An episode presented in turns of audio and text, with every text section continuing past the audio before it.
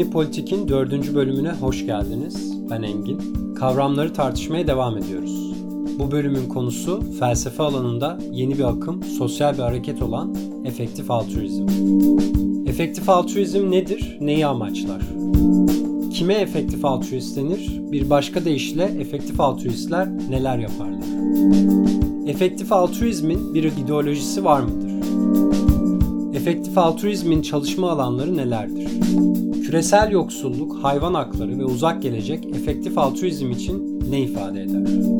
Dünyanın dört bir yanında yer alan irili ufaklı efektif altruizm örgütlenmeleri ne gibi faaliyetler yürütürler?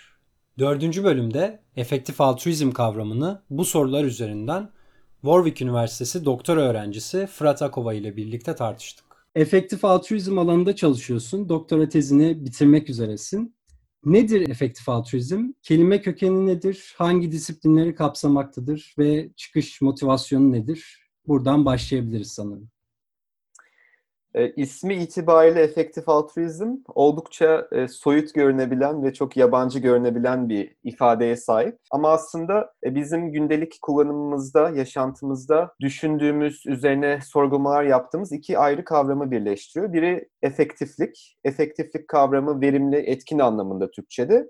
Genelde ekonomik e, terim bir ekonomik terim olarak kullanılıyor ama içerisinden baktığımız zaman bir kaynak başına en yüksek e, getiriyi sağlayan şey anlamı e, taşıyor. Yani bu şu demek, benim 1 liram var veya 1 dolarım var veya bir kaynağım var. Bu neyse bu zaman da olabilir, para da olabilir, enerji de olabilir. E, bu kaynak başına, birim kaynak başına e, en yüksek getiriyi sağlayan şey anlamını taşıyor. Altruizm ise e, ekonomiden tamamen bağımsız bir yerde Türkçesiyle özgecilik anlamını taşıyor. Özgecilik e, bencilliğin karşıtı olarak e, tanımlıyorum ben. Yani bencil olmama durumu, başkalarının e, çıkarlarını en az kendi çıkarı kadar gözetme, başkalarının haklarını en az kendi hakkı kadar gözetme gibi anlamları taşıyor. Ama bu uygulanmada böyle bir anlam taşıyor. Daha genel olarak baktığımızda bencilliğin karşıtı yani karşı, karşıdaki kişiyle, özneyle, insan veya insan dışı e, empatik, dayanışmacı e, ve bencil olmayan bir ilişki imleyen bir kavram. Çıkış motivasyonu nedir efektif altruizmin ve e, neyi amaçlamaktadır? Efektif altruizm şu an Anglo-Sakson dünyada veya Kuzey Amerika dünyasında Avrupa dışında e, ağırlığı olan bir hareket. Henüz bizim ülkelerimizde, bizim yakınımızdaki ülkelere e, sıçramadı ama dünyanın diğer e, yerlerinde var. Singapur gibi, Çin gibi, Japonya gibi. E, efektif altruizm temelde e, şu soruyu soruyor. Biz belirli yararlar sağlamaya çalışıyoruz dünyaya. Bu yoksulluğu kaldırmakla ilgili olabilir, eğitimi teşvik etmekle ilgili olabilir, belli hastalıkları yok etmekle ilgili olabilir, hayvanlara yarar sağlamakla ilgili olabilir, iklim krizini önlemekle ilgili olabilir. bu tür sorunlar karşısında en yüksek yararı en az kaynaklı nasıl elde edebilir sorusunu cevaplamaya çalışan bir hareket. Öyle ki e, birbirinden değişik müdahaleleri yani yoksulluk için 3 tane, 4 tane, 5 tane ayrı çözüm yolu olduğunu varsayalım e, veya bir hastalık için veya iklim krizi için. Bunları karşılaştırdığımız zaman bazıları diğerlerine göre daha verimli e, çözümler, daha az kaynak harcayan ama getirisi daha yüksek olan e, çözümler. Efektif altruizm dünyanın büyük sorunları karşısında, az önce saydığım büyük sorunları karşısında e, en yüksek yararı sağlayabilecek ve bunu sağlarken de en az kaynağı kullanabilecek çözüm yollarını araştırıyor. Örneğin bir e, çalışma var idi. AIDS ve HIV için bunun engellenmesi, bunun önlenmesi için yapılan çalışmalarda birkaç seçenek, birkaç olası çözüm arasında e, en iyi seçenekle en kötü seçenek arasında 1400 katlık bir farktan bahsediliyordu. Yani öyle ki siz en iyi seçeneği e, seçerseniz buna müdahale e, esnasında 1400 kat daha yüksek bir yarar elde ediyorsunuz. Efektif altruizmde saydığım konular için bu tür çözümleri bulmaya çalışıyor. Yani genel olarak hareketin amacı ve motivasyonu bu. Peki kime alt, e, efektif altruist denir? Yani ne yaparlar? E, efektif altruizm mi benimsemiş ya da bu hareket içinde düşünülebilecek insanlar ya da kendisine efektif e, altruist diyen insanlar ne yaparlar? E, çok şey yapabilirler. mücadele alanlarıyla ilgili bir soru olarak alıyorum bunu aslında.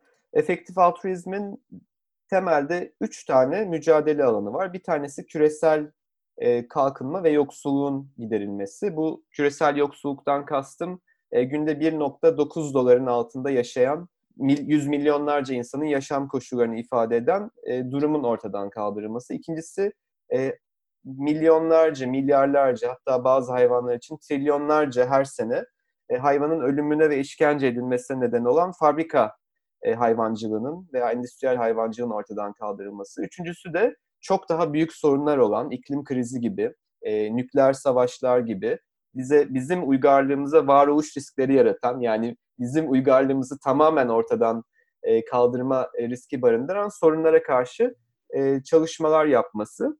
E, bir efektif altruist ne yapabilir bu konular hakkında? Bir, e, kendi servetinin bir kısmını, bazı insanlar için bu yüzde bir olabilir, bazı için yüzde on olabilir, bazı için yüzde doksan olabilir. Bu sorunların çözümüne ayrılması için kendi kaynaklarını aktarması ama nasıl aktarması? Örneğin küresel yoksullukta e, en yüksek yarar getiren sivil toplum kuruluşlarına bağış yapması örneğin. E, buna birazdan gireriz. Bunun nasıl olabileceğiyle ilgili, bu kurumlar nasıl belirleniyor. Bunu yapabilir. Servetini bir bağış olarak veya bir kaynak olarak e, bu tür ve ciddi bir kısmını servetinin e, bunlara ayırabilir. İkincisi e, hayvan konusu hakkında e, çoğu efektif altruist benim tanıdığım vegandır veya vejetaryandır ama tabii ki e, veganlık e, üzerinde konuşacağım ben, vejetaryanlık üzerinde değil. E, vegan olabilir ve hayvan e, acısının ortadan kaldırılması için çalışabilir. Kimi efektif altruistler endüstriyel hayvancılığa karşı reform çağrısı yapan şirketlerle veya sivil toplum kuruluşlarıyla çalışıyorlar. Veganlığı yaymaya çalışıyorlar. Türcülük diye adlandırdığımız ve insan merkezli düşüncenin ortadan kaldırılması için e, konuşmalar yapıyorlar. Ve son olarak da e, son bahsettiğim konu yani e, nükleer savaşlar veya uluslararası reformlar konusunda da araştırmalar yapılıyor. Yani lobicilik faaliyetleri olabiliyor. Bu alanlarda çalışıyorlar ama bir, bir tek başına, kendi başına bir efektif altruist bunların hepsini de yapabilir. Sadece bir tanesini de yapabilir. Ama yol çok. Peki e, örnek var mı yani örnek bir e, birkaç isim sayabilirsek e, yani eylem anlamında söylüyorum, düşünce anlamında değil. Efektif altruist diye sayabileceğimiz kendi eylemleriyle e, insanlar var mı ilk akla gelenlerden? Var. E, efektif altruizmin geliştiricilerinden de olan, aynı zamanda düşünce geliştiricisi ama pratik geliştiricisi de sayılabilecek olan William McCaskill var mesela Oxford Üniversitesi'nde. E, AI geliştiren kişilerden biri. O kendi kazancının e, belli bir miktarının üstünü tamamen bağışlıyor. Yanılmıyorsam e, kendi standartlarında bu yıllık 30 bin sterlin miydi ya da o civarda aslında kendisi sadece asgari şartlarını sağlayabilecek veya asgarinin bir tık üstünü sağlayabilecek geliri kendine alıp onun dışındakinin hepsini e, küresel yoksulluğun veya diğer konuların önlenmesi için örneğin ayırıyor. Ve bunun gibi yapan birçok insan var. Yatırımcılar var, öğrenciler var, akademisyenler var, işçiler var, e, doktorlar var. E, bu bireysel olarak yaşanabilecek bir e, akım olduğu için e, çok fazla isim sayılabilir aslında efektif altruist e, hareketi içerisinde olan. Peki belli bir e, miktar belirlenebiliyor mu? Yani efektif altruizm çerçevesinde böyle bir e, oran var mı? Yani gelirinin şu kadarını gibi bir e, kıstasa dayanıyor mu bu? Yoksa daha bireysel bir karar, e, bazı kriterleri gözeterek e, alınan daha bireysel bir karar mı? Daha radikal e, efektif altruistler sadece ve sadece kendilerine yetecek olan kadar serveti kendilerinde biriktirip gerisini e, tamamını bu saydığım sorunların çözümüne ayırıyorlar. Bu şu demek sadece yeme, içme, barınma, güvenlik, e, sosyal gereklilikler e, tamamladıktan sonra geri kalan servetin tamamı bu tür sorunlara ayrılabiliyor. Ama tabii ki hani böyle bir e, şu kişi için yüzde on, şu kişi için yüzde yirmi derken o kişinin serveti ölçüsünde veya geliri ölçüsünde söylenebilecek bir e, ölç ölçek çıkıyor. E, ama genelde e, kampanyalarda, efektif altruist kampanyalarında başlangıç olarak %10 öneriliyor. Yani %10 servetinizin veya gelirinizin %10'unu e, bağışlayabilirsiniz. Bu bir başlangıç olabilir deniyor. Bu mesela bir başlangıç çizgisi sayılabilir. Asgari bir başlangıç çizgisi. Peki efektif altruizmin hem kavramsal hem pratik olarak tarihi gelişimini şöyle kısaca nasıl özetleyebiliriz? 2000'li yıllarda aslında 2000'li yılların da öncesine gitmek gerekiyor. Peter Singer diye bir filozof var. Peter Singer Avrupa'da ve Kuzey Amerika'da hatta Asya'da tanınan bir filozof ama Türkçe'de kitapları yok. Belki bir iki kitabı çevrildi. Aslında çok fazla makalesi ve çok fazla kitabı var. Ama bir iki kitabını Türkçe'de buluyoruz. O 1970'lerde şöyle bir düşünce deneyi geliştiriyor. 1972 olması gerekiyor. O zaman Bengal'de bir açlık krizi var ve e, kendisi yeni yeni yükselmekte olan bir akademisyen ve küresel yoksulluğu dert etmiş bir akademisyen. Daha sonra Hayvan Özgürleşmesi adıyla tanıyacağımız e, kitabın da yazarı. O, o da çok büyük bir e, devrim oldu felsefede. Makalesinde Kıtlık, Bolluk ve Ahlak makalesi 1972'de yayınlanan şunu soruyor. Diyor ki biz e, bir düşünce deneyi bu yani soyut bir e, düşünce deneyi. E, biz bir göletin yanından geçiyoruz e, ve boğulmakta olan bir çocukla karşı karşıya kalıyoruz ve etrafta hiç kimse yok. Çocuğu kurtarırsak, e, yüzersek ve onu kurtarırsak ki bunu yapabiliriz, e, bize olacak tek zarar ayakkabılarımızın kirlenmesi. E, ayakkabılarımızın kirlenmesi pahasına çocuğu kurtarır mıyız? Bunu sorduğu zaman zaten birçok insan bu soruya doğal olarak evet yanıtını verir. Eğer e, ayakkabılarını çocuğun hayatından daha çok önemsemiyorsa, muhtemelen bunu çok az insan söyler. Ve diyor ki Singer, eğer biz bunu evet diyorsak, aslında hali hazırda şu an ölmekte olan insanlar veya büyük acılar çekmekte olan insanlar var. Aynı şekilde eğer ayakkabımızı feda edebiliyorsak, ayakkabımızı temsil eden parayı da diğer insanlara yardım için ayırabiliriz. Yani ayakkabımızı feda edebiliyorsak aylık olarak gelirimizin bir kısmını da aslında e, diğer insanlara yardım için veya diğer insanların hayatlarının yükseltilmesi için harcayabiliriz. Bu böyle bir soruya evet yanıtı vermek bize doğal olarak e, böyle bir başka bir soruya evet yanıtı vermemize itiyor. Mantıksal sonucu bu. E, bu mantıksal sonuçtan yola çıkarak da birçok şeyin, kendi hayatımızdaki birçok şeyin gelir başta olmak üzere diğer insanların hayatlarına aktarılması gerektiğini ifade ediyor. Bu yazı e, tartışılıyor ama hep felsefe alanında yani dergilerde, konferanslarda, seminerlerde tartışılıyor. Ta ki 2000'li yılların başında, ortalarından sonra daha doğrusu e, iki kuruluş kuruluyor. Bir tanesi e, GiveWell, e, bu hala çalışan bir kuruluş. E, iki bankacı e, kuruyor yanılmıyorsam ya da yatırımcı kuruyor ve şunu hedefliyorlar. Birçok sivil toplum kuruluşu var ve bazı insanlar var sivil toplum kuruluşlarını destekleyen. Ama bazı sivil toplum kuruluşları diğerlerine göre daha efektif. Yani aynı kaynakla daha yüksek yarar elde edebiliyorlar. Ve bunları bir metodolojiye oturtup bu en yüksek yarar sağlayan sivil toplum kuruluşlarını bulmaya çalışıyorlar ki şu an internet sitesine girerseniz bu küresel yoksulluk alanında olacağını göreceksiniz. Küresel e, sivil toplum kuruluşları bunlar.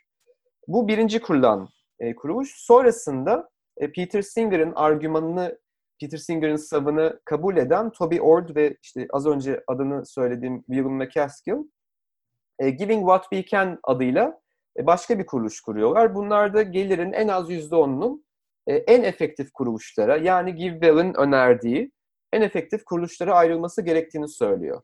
Bu iki kuruluş kurulduktan sonra aslında efektif altruizm artık sadece bir felsefi bir iddia veya sav olarak değil, bir hareket olarak ortaya çıkmış bulunuyor. Çünkü Giving What We Can'e bakanlar veya Give Well'e bakanlar kendi kaynaklarıyla daha yüksek yararı, yarar yaratabileceklerini gördükleri ve inandıkları için yavaş yavaş EA'nın içine girmeye başlıyorlar ve EA küresel yoksulluktan daha sonra hayvan ve e, belki daha sonra konuşacağımız uzun gelecek e, konularında şekillenmeye başlıyor. Konuların doğru e, dallanıp budaklanmaya başlıyor. Yani başlangıcını bunun pratik başlangıcını 2000'lerin ortası olarak söyleyebiliriz sanırım. E, bu noktada benim aklıma şöyle ek bir soru geliyor.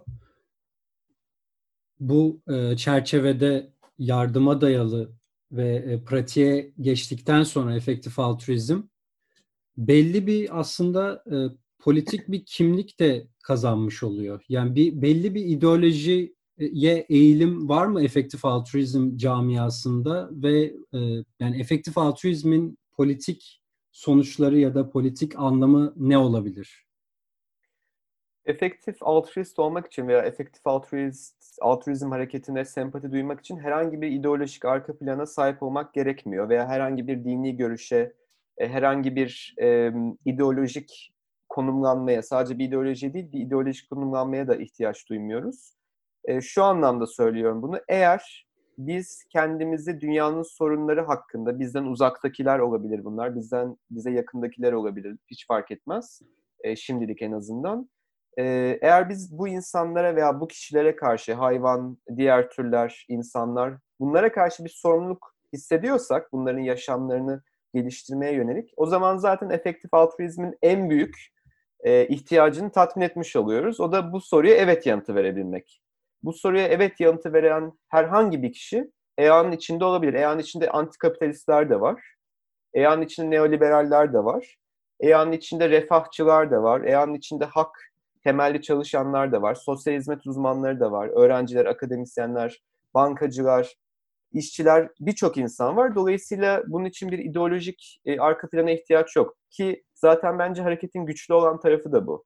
Bu soruya yani başkalarına karşı sorumlu hissediyor muyum, hissetmeli miyim sorusuna evet yanıtı vermek hareketin içinde konumlanmak için yeterli. İdeolojik olarak çok geniş bir spektrümü kapsadığını söyleyebiliriz aslında. Kesinlikle ki e, şunu da söyleyebiliriz belki. E, hemen hemen bütün ideolojiler e, bazıları belki bunu sözde yapıyor ama eşitsizliklere, adaletsizliklere, e, yanlışlara ve zararlara karşı duyarlı. Yani bunları ortadan kaldırmaya çalışıyorlar. En azından biz öyle varsayıyoruz. Ve küresel yoksulluk gibi, hayvan konusu gibi veya e, iklim krizi gibi konularda olumlu yani yapıcı, inşa edici bir tavırda olmak yeterli olduğu için bunların koalisyonu da hareketin kendisine bence bir zenginlik katıyor. Çünkü herhangi bir şeye ait olmaya gerek yok ama bir taraftan herhangi bir şeye ait olmazken EA'nın içinde var olabiliyorsunuz. Yani e, politik, ap, apolitik de olabilirsiniz. Bu EA'nın içinde olmanız için de herhangi bir sorun teşkil etmez.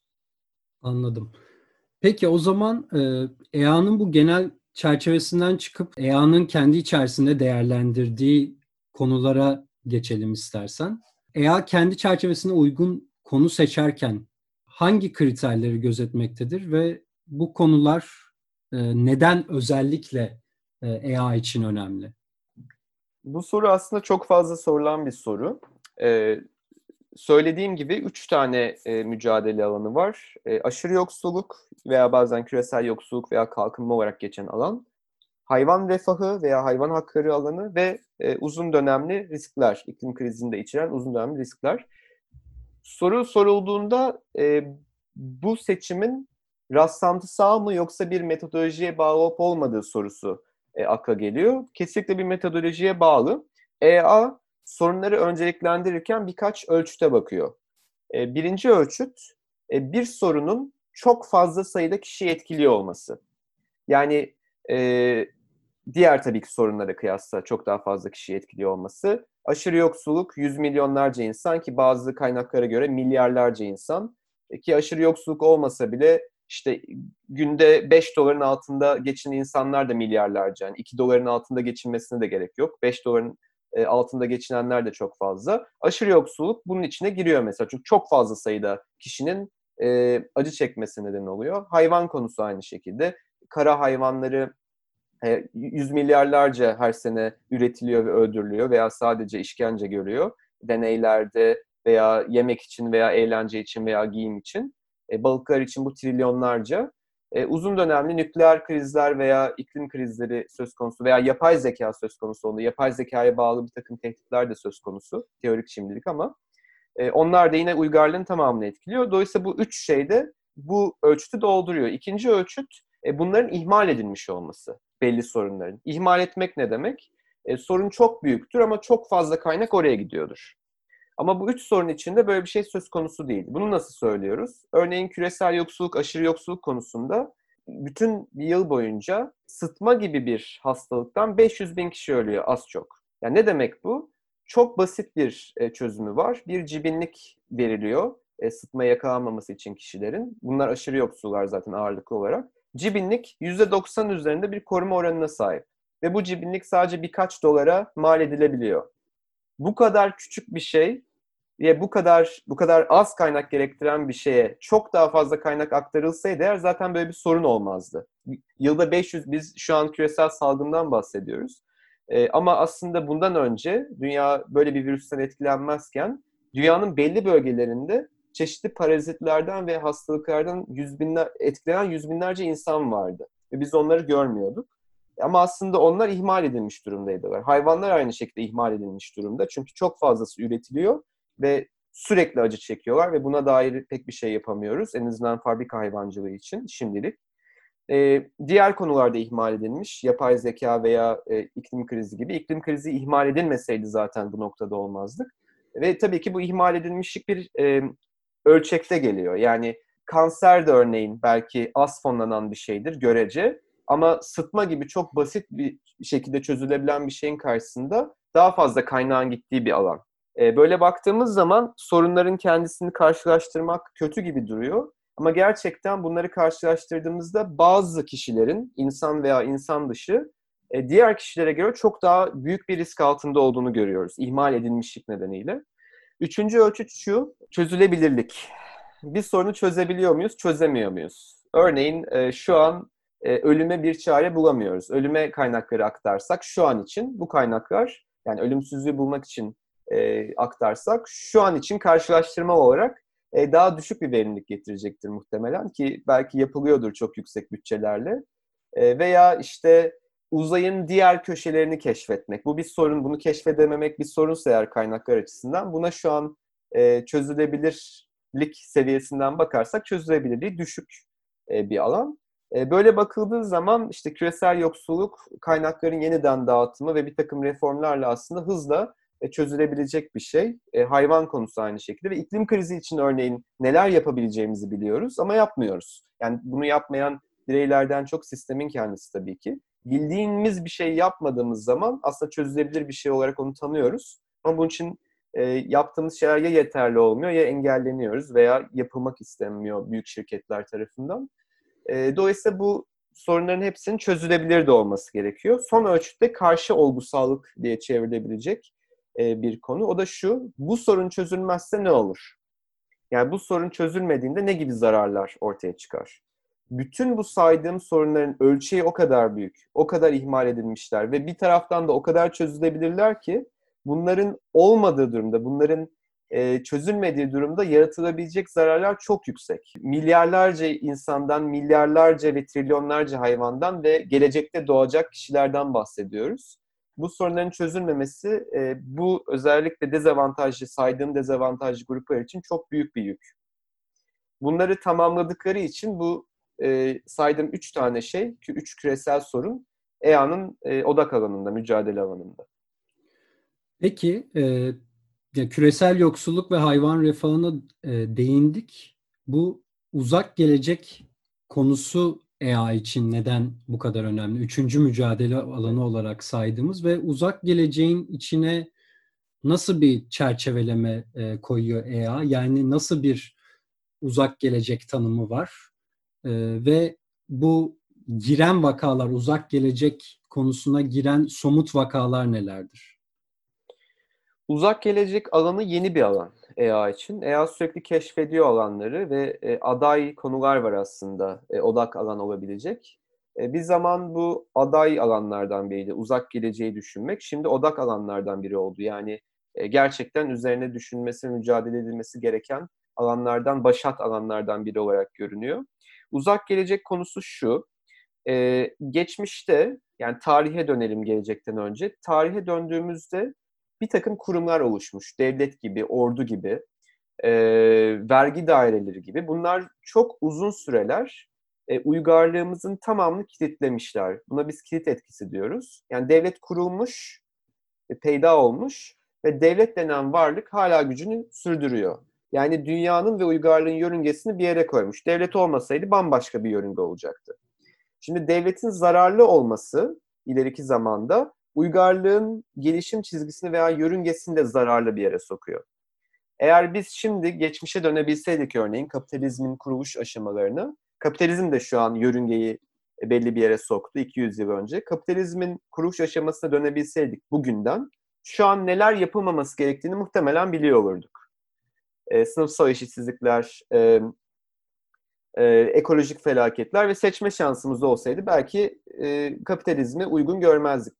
Yörünge çiz, yani belli bir yörüngeye, dünyayı belli bir yörüngeye sokması açısından, kilitlemesi açısından dünyayı. Uzak gelecekte bunu geleceğe projekte ediyor aslında. Şu an yaptığımız eylemler, çıkardığımız yasalar, kurduğumuz kurumlar, e, engellediğimiz savaşlar veya çıkardığımız savaşlar, tersten de düşünebiliriz. Gelecekte yaşayacak ve bizim nüfusumuzu üstsel olarak kat be kat aşacak kişileri olumlu veya olumsuz etkileyecek. Yani biz şu an nükleer savaş başlatırsak nükleer yanıklarla dolu bir dünya olacak ve bu çok uzun bir süre nükleer savaş olduğu için uygarlığı etkileyecek. Hayır tam tersi bir e, eylemde bulunduk. Silahsızlanma konvansiyonu oluşturduk ve e, silahsızlandı dünya. Bu bambaşka bir yörüngeye sokuyor. Ve bu şu demek, şu an aldığımız ve çok küçük gibi görünen bir karar önümüzdeki bin yılı, 2000 yılı, belki 5000, 10 bin yılı etkileme potansiyeline sahip. Özellikle de küreselleşme gibi bir olgunun varlığı altında.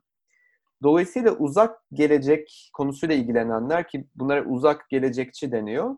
E, uzak geleceğin güvence altına alınması için çabalıyorlar. Politik reform alanında olabilir, araştırma alanında olabilir, yapay zeka da buna dahil mesela. Yararlı yapay zekalar, totaliter olmaması için yapay zekanın. Bu alanda çalışanlar var. O alan da çok geniş. Yani genel anlamda konu gelecekte doğacak ama henüz doğmamış kuşakların insan veya hayvan veya başka bir e, varlık türü e, uzayda da olabilir bu e, ileride. Bunların refahını ve haklarını güvence altına alacak eylemlerin e, şimdiden oluşturulmasını sağlayan ve bunun üzerine araştırma yapan bir alan. Dolayısıyla bu şöyle bir varsayıma dayanıyor. Benim veya şimdiki kuşakların refahı ve hakkıyla gelecekte doğacak olan ama şimdi doğmamış olan kişilerin refahı ve hakkı eşit düzeydedir. Yani 2000 yılında doğan bir kişiyle e, 10 bin yılında doğan bir kişinin refahı ve hakkını eşit bir yerden okuyor. E, aklıma şöyle bir soru geliyor. Var olan mevcut sorunlara odaklanmak, bunları öncelemek daha efektif bir anlayış değil mi? Yani insanları e, ya da e, dünyadaki bütün canlıları etkileyen e, küresel çaptaki e, sorunlara odaklanmak nasıl bir efektif yani oradan efektifliği nasıl kuruyor ve EA içinde buna dair bir tartışma var mı? Yani hangisinin daha efektif olduğuna kıyasla yani kısa ve orta vade ve uzun vade diye böyle iki kampın böyle bir tartışması söz konusu mu? Buraya nasıl geldi? Uzun vadeli geleceği de düşünmeliyiz noktasına nasıl geldi? Çok iyi bir soru. Şuradan geldi aslında. Bir eleştiri vardı EA'ya karşı küresel yoksulluk anlamında. Şu eleştiriydi o. Şu an EA'nın önerdiği ve küresel yoksulluk alanında çalışan sivil toplum kuruluşlarına yani bağış kurumları bunlar bakarsanız genelde hızla çözülebilen sıtma gibi, bağırsak parazitleri gibi veya e, körlük gibi, körlüğün belli bir türü gibi daha doğrusu çözülebilen bir takım e, olumsuzlukları hemen tedavi etmek, sağaltmak ama kökene inmemek gibi bir eleştiri vardı. Bunu yoksulluk alanında e, duyuyorduk e, ve inceliyorduk. Ve bundan yola çıkarak şöyle bir görüş oluştu. Tamam, şu an bir takım sorunlar var bunun gibi ve biz bunları sağaltıyoruz. Ama geleceğin de güvence altına alınması için sadece o an olan sorun değil de gelecekte de böyle sorunların oluşmaması için ne yapabiliriz? Aslında dallanma buradan oldu. Yani bazıları kısa vadede efektif çözümlere yönelirken bazıları da uzun vadede efektif çözümlere yönelmeyi doğru buldular. Burada aslında felsefi bir e, sapaklanma söz konusu. İkisi de e, tartışmaya değer ve ikisine de kaynaklarımızı belli oranda ayırabiliriz veya ikisinden birini seçebiliriz ama ikisi birbirini bence dışlamıyor. Çünkü e, belli belir, görgül belirsizlikler var. Yani ampirik belirsizlikler var. E, riskler var, simülasyonlar var. Mesela geleceğin nasıl olacağına dair simülasyonlar var. Veya işte küresel yoksulluk ne zaman çözülür buna ilişkin simülasyonlar var. Burada birçok belirsizlik olduğu için ve felsefi olarak da e, bir takım değer farklılıkları olabileceği için bazıları daha kısa vadede, bazıları daha uzun vadede e, dünyayı daha iyi bir yer hale getirmenin iyi olabileceğini söylüyor. Bu mesele kısa vade, uzun vade çatışmasından doğdu temelde. Yani farklı insanlar, EA içindeki farklı insanlar farklı eğilimlere sahip olabiliyor. Evet, Böyle kesinlikle. söyleyebiliriz. Evet. Ee, şu an sona doğru yaklaşıyoruz. Şu an EA literatüründe yaygınlaşmamış, yeni yeni konuşulmaya başlanan, daha güncel belki son 1-2 sene içinde e, düşünebileceğimiz potansiyel içinde belli bir potansiyel barındıran konular var mı ve varsa da bunlar neler? Örneğin akıl sağlığı veya psikolojik sağlık e, üzerine e, düşünen çok fazla insan var. Çünkü e, psikolojik sağlığın sadece fiziksel olan değil, sıtma veya e, çok hızlı çözülebilecek, önlenebilecek olan hastalıkların çözümü değil, aynı zamanda neredeyse toplumun tamamını veya çok büyük bir kısmını e, etkileyen psikolojik sağlık e, müdahaleleriyle ilgili e, çalışan bir kesim var. Bunları nasıl, bu müdahaleleri yani bunlara ayrılan kaynakla en yüksek yararı nasıl yaratabiliriz e, diye düşünenler var. Bu e, akıl sağlığı meselesi mesela bir yerde duruyor. Belki ileride bir odak alan olabilir. Çalışmalar nereye götürür öngöremezsek de. Başka bir şey normalde yapay zeka üzerine çalışılırdı. Zararlı yapay zekayı engellemek. Son dönemde yapay zekanın e, totaliter sistemlere yol açmaması için neler yapılabilir gibi mesela ayrı bir alan böyle bir e, gövdeden bir uzanan bir dal çıktı. E, bu da e, örneğin şu an totaliterliğe giden toplumlarda veya demokrasinin e, buna inanıyorsak tabii ki böyle bir ideale inanıyorsak demokrasinin e, zayıfladığı toplumlarda e, yapay zeka sistemlerinin e, kullanılması ile ilgili endişeler var. Mesela bunları engellemek çok büyük bir e, yarar sağlayabilir. Çünkü ge- gelecekteki devleti ve toplumu e, ve çok büyük bir nüfusu etkileme potansiyeline sahip. E, daha uç e, olan ve EA içinde e, tartışılmayan ama e, bazı kişilerin düşündüğü ve üzerine sorgu üzerine sorgulamalar oluşturduğu bir alan var. Yani bu birkaç kişi için tanıdığım birkaç kişiden biliyorum bunu. Atom altı parçacıkların acı çekip çekmediği e, gibi bir soru var mesela. E, böyle bir şey varsa, e, böyle bir gerçeklik varsa buna dair neler yapabiliriz diye düşünenler var. Dolayısıyla yani bu iyilik veya işte yardım veya dünyayı daha olumlu bir yer hale getirme, daha yüksek yarar yarar e, sağlama konusuna indiğimizde somut veya soyut gidebileceğimiz çok yol var. E, çok çok da fazla çeşitli insan olduğu için EA'da e, en somutundan en soyutuna kadar e, düşünebiliyoruz konuları. EA alanında aslında birçok isimden, birçok kaynaktan, birçok şeyden bahsettik ama yine ayrı bir madde açarak da bunları toplu bir şekilde de söyleyebiliriz. EA alanında öne çıkan isim, kitap, kaynak, web sitesi, platform, bu belli başlı bu tarz e, kaynaklar nelerdir? E, şimdi iki kitap önerebilirim. E, ikisinde Türkçesi yok. Birincisi Peter Singer'ın bu özellikle servet dağıtımı ve yoksullukla ilgili. The Most Good You Can Do diye bir kitap var. Effective Altruism e, özeline de e, yani Effective Altruism özelinde yazılmış bir kitap aynı zamanda. William McCaskill'in Doing Good Better var. E, daha iyisini yapmak veya daha iyi yapmak diye çevirebileceğimiz. E, o da birçok farklı konuyu, iklim değişikliği, hayvan, işte küresel yoksulluk bunları karşılaştırıyor veya işe yarayan müdahaleleri, küresel yoksulluk özelinde konuşuyorum, işe yarayan müdahaleleri karşılaştırıyor. Hangilerinin daha iyi olduğunu, nasıl daha iyi, iyi nasıl tanımladığımızı tanımlamamız gerektiğini e, sorguluyor. E, tabii ki Peter Singer'ın artık kurucu metin sayılan hayvan özgürleşmesi. Onun adını söylemiştim başlangıçta. Hayvan özgürleşmesi ki Türkçe'de var. Bu hayvanların e, hakları veya refahıyla ilgili daha çok. Okumadım ama çokça tartışılan EA'da ve Sentience Institute diye bir enstitü var. E, hayvan üzerine çalışan EA'da. E, onu, o, o enstitünün araştırmacılarından e, birinin yazdığı The End of Animal Farming, e, J.C. Reis'in yazdığı e, The End of Animal Farming diye bir kitap var. E, bu kitapta e, fabrika hayvancılığının veya endüstriyel hayvancılığın nasıl çözülebileceğini e, aktarıyor. Yapay zeka ile ilgili veya varoluş riskleriyle ilgili yani uzun gelecekle ilgili metinler var. Bir tanesi Nick Bostrom'un Oxford Üniversitesi'nde yine Super Intelligence kitabı. Bu kitap e, şunu tartışıyor. Ne zaman veya nasıl bir yapay zeka insan zekasını geçebilecek? Buna ilişkin çok değişik modeller var. E, bu o modelleri tartışıyor ve geçtiği durumda biz buna nasıl bir atılganlık sağlamalıyız? Nasıl bunun karşısında atılgan olmalıyız, ne yapmalıyız e, sorusunu odağa alıyor. Ve çok yakınıza birkaç ay önce yayınlanan e, ve Oxford Üniversitesi'nde Future of Humanity Enstitüsü'nde çalışan e, Toby Ord'un The Precipice, Existential Risk and the Future of Humanity diye bir kitabı yayınlandı. Bu kitapta değişik varoluş risklerine odaklanıyor. Ne olabilir bunlar?